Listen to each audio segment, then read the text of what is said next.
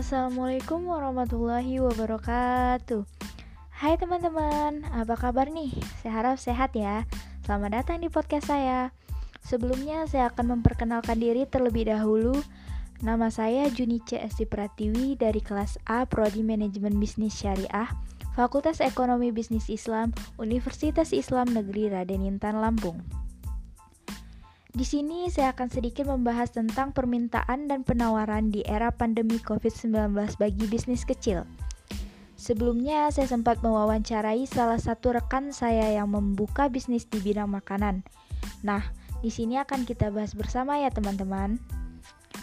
Pertanyaan pertama yang saya tanyakan kepada rekan saya adalah hasil penjualan selama COVID-19 ini apakah mengalami kenaikan atau malah penurunan? Nah, jawaban dari rekan saya adalah dalam waktu kurang lebih 8 bulan ini, selama pandemi terhitung dari bulan Februari, untuk 3 bulan pertama itu mengalami penurunan yang lumayan signifikan nih teman-teman. Karena sepinya orderan yang diterima.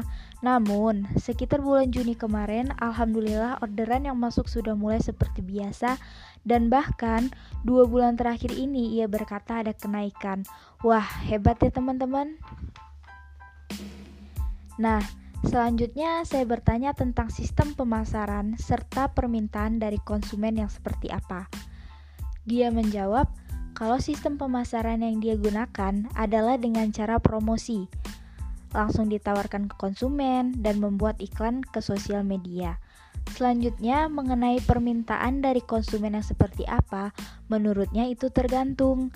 Seperti misalnya, konsumen sedang mengadakan acara nih, contohnya hajatan atau rapat pertemuan. Maka konsumen tersebut bisa merequest atau bisa memilih menu juga.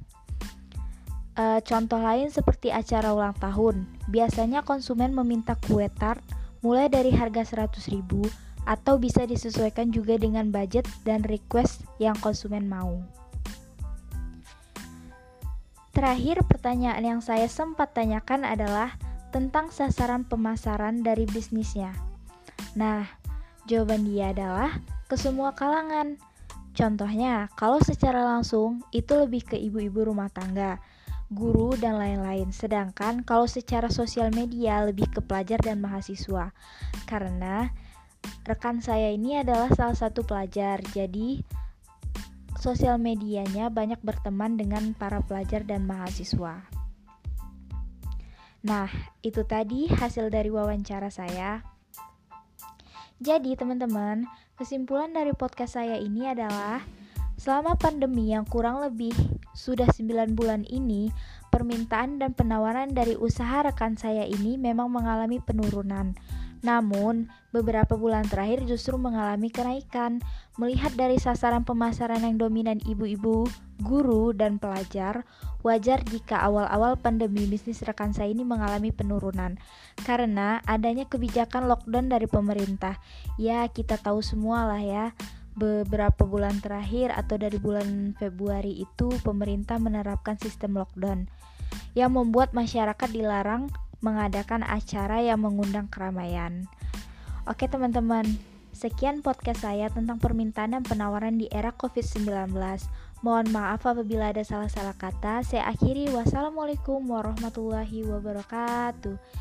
Sampai bertemu di podcast selanjutnya teman-teman. Dadah.